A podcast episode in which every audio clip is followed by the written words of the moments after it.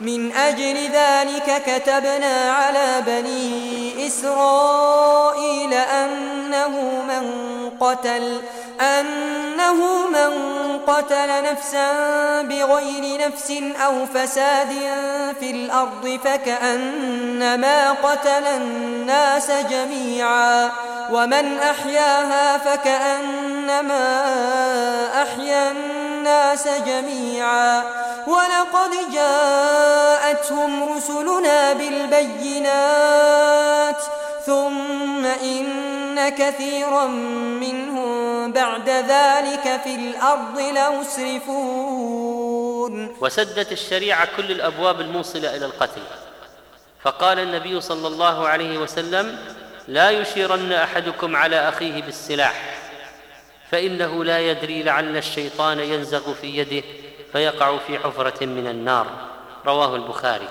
وأيضا روى من أشار إلى أخيه بحديدة فإن الملائكة تلعنه وكذلك فإن البغي في الأرض عقوبته عظيمة. لو بغى جبل على جبل لجعل الله الباغي منهما دكة ألم تر أن البغي يصرع أهله؟ وأن على الباغي تدور الدوائر؟ وكذلك فإن هذه القصة يؤخذ منها شر البدعة وعظم الابتداع وأن الذي يبتدع ضلالة عليه وزرها ووزر من عمل بها إلى يوم القيامة.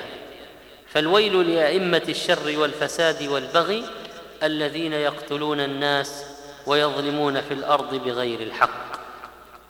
وفي هذه القصة شناعة الحسد وما يمكن أن يؤدي إليه فإن هذا حسد أخاه كيف تقبل منه ولم يتقبل منه هو كيف تقبل من أخيه ولم يتقبل منه هو؟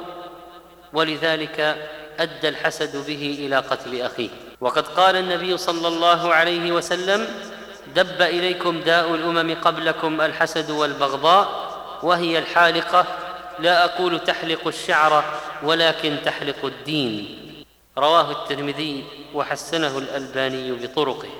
وكذلك فإن في هذه القصة أيضا أهمية التقرب إلى الله وأن الإنسان لو تقرب بشيء فإن عليه أن يخشى أن لا يتقبل منه. وهذا معنى الآية يؤتون ما آتوا وقلوبهم وجلة يعني يخافون أن لا يقبل منهم. وكذلك فيها منع الوصول بالأذى إلى من لا جريرة له. فما هو ذنب الذي تقبل الله منه؟ ما هو ذنب؟ هل هذا يستحق القتل؟